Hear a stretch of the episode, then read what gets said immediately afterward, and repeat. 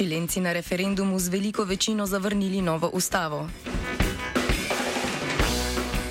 ZDA Tajvanu prodajajo za več kot milijardo evrov orožja. Liz Tras, nova vodja Torijske stranke.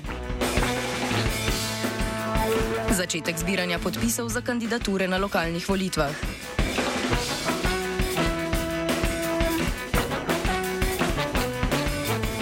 V kulturnih novicah boj za novo avtonomno cono v Ljubljani.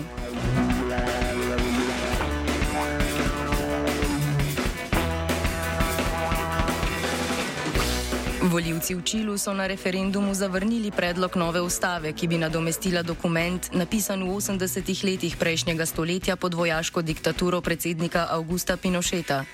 Leta 2020 so Čilenci na takratnem referendumu, ki je sledil dolgotrajnim množičnim protestom proti veliki ekonomski neenakosti, z veliko večino zahtevali oblikovanje nove, bolj progresivne ustavne listine.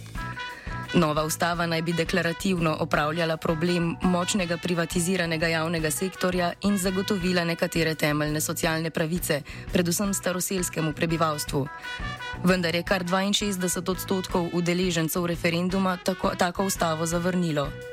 Zavrnjena ustava s 388 členi vključuje zahtevo po enakosti med spoloma v javnih institucijah, prepoznava pravico do samoodložbe star staroselskega prebivalstva, pomembno mesto imata tudi okoljska varnost in zaščita naravnih virov.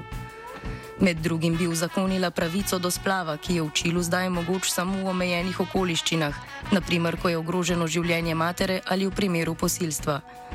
Nasprotniki reform so kritizirali dolžino predlagane ustave, jasnost njenih odločb, predvsem pa jih je zmotila predvidena ustanovitev avtonomnih območij, na katerih živijo čilenski staroselci. Predsednik države Gabriel Borič, ki se zauzema za sprejem nove ustave, je napovedal, da se bo pisanje ustave nadaljevalo v sodelovanju s kongresom in civilno družbo.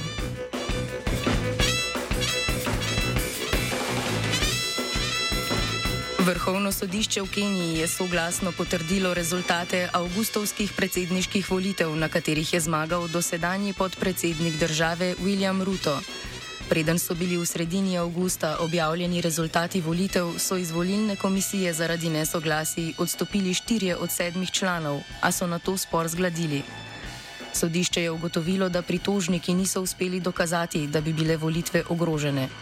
Na vrhovno sodišče je bilo naslovljenih več pritožb zaradi rezultata volitev, med drugim se je pritožil tudi poraženec volitev Rajla Odinga. William Ruto bo kot novi predsednik uradno zaprisegel naslednji torek.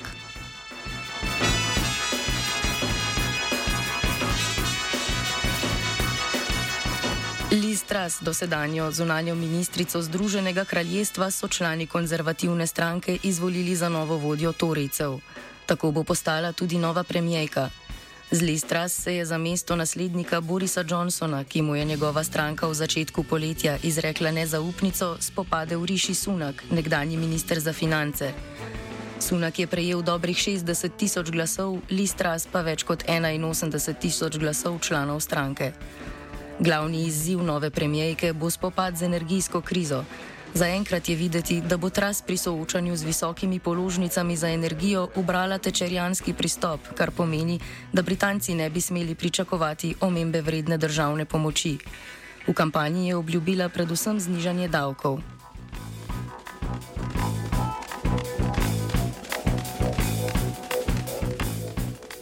Združene države Amerike bodo Tajvanu prodale za več kot milijardo evrov orožja. Administracija predsednika Joea Bidna je prodajo opisala kot nujno za samo obrambo Tajvana. V paketu so med drugim protiladijske in protiletalske rakete ter nov radarski sistem za zaznavanje letov. Ob najavi orožarskega dogovora so ZDA pozvale Kitajsko naj preneha z vojaškimi, ekonomskimi in diplomatskimi pritiski na Tajvan ter se zauzame za dialog. V Pekingu, ki zastopa stališče, da je Tajvan del Kitajske, so že napovedali proti ukrepe novi pošiljki orožja. Odnosi med ZDA in Pekingom so se dodatno zaostrili avgusta, ko je Tajvan obiskala Nancy Pelosi, predsednica ameriškega kongresa.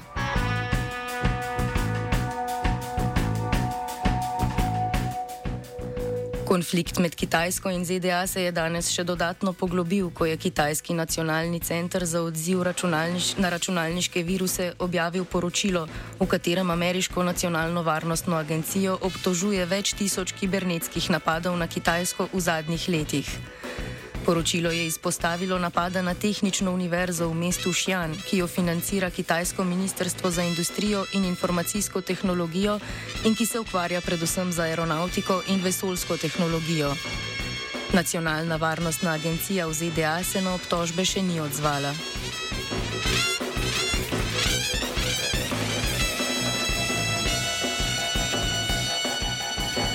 Združene države so svoje storitve ponudile tudi Pakistanu, kamor bo ameriško ministrstvo za obrambo poslalo ekipo, ki naj bi pomagala pri spopadanju z močnimi poplavami v državi.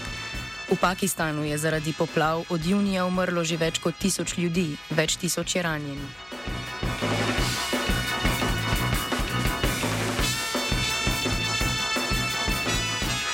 Kabulu, glavnem mestu Afganistana, se je v bližini ruskega veleposlaništva razstrelil samomorilski napadalec in ubil dva zaposlena na veleposlaništvu, več drugih je bilo ranjenih.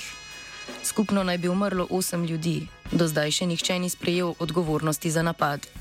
To je prvi to vrstni napad, odkar so talibani na začetku letošnjega leta prevzeli oblast.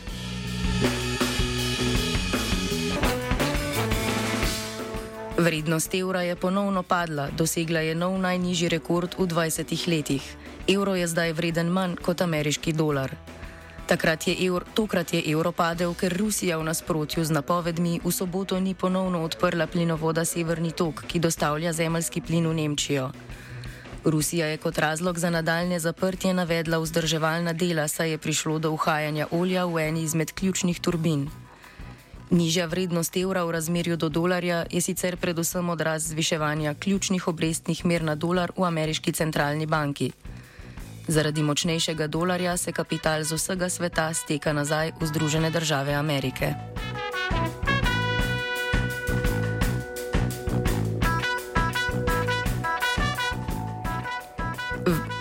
Nemška vlada je prišla do soglasja na gospodinstv in gospodinstvom zaradi visoke inflacije ter energijske krize napovedala pomoč v višini 65 milijard evrov.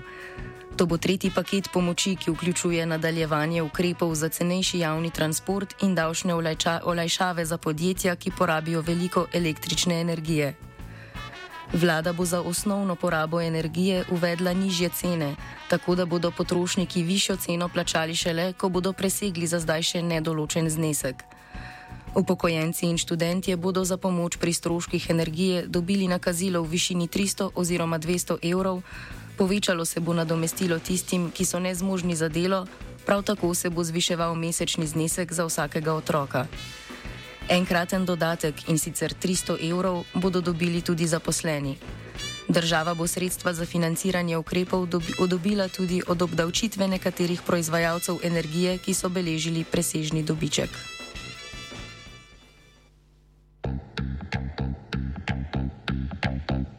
Smo se osamosvojili, nismo se pa osvobodili.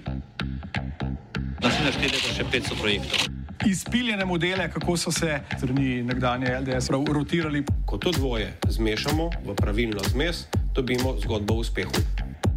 Takemu političnemu razvoju se reče udar. Jaz to vem, da je nezakonito, ampak kaj nam pa ostane? Brutalni obračun s politično korupcijo. To je Slovenija, tukaj je naša zemlja, to je Slovenija, Slovenija, Slovenija.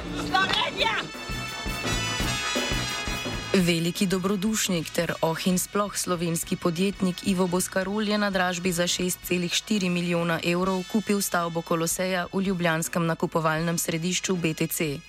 Stavba z več kot 14 tisoč kvadratnimi metri je bila na prodaj po stečaju podjetja Kolosej Kinematografi, ki ga je vodil Sergej Racman.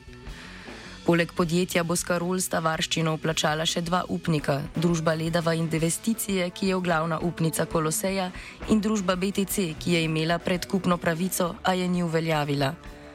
Zapleti zaradi stečaja podjetja Sergeja Racmana, ki mu je toživstvo očitalo oškodovanje upnikov s prodajo Koloseja, so trajali več let.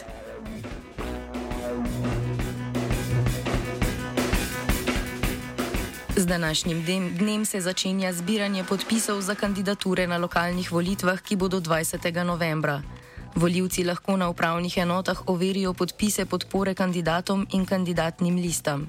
Politične stranke svoje kandidate določijo na tajnem glasovanju, nestrankarski kandidati pa morajo za nastop na volitvah zbrati zadostno število podpisov.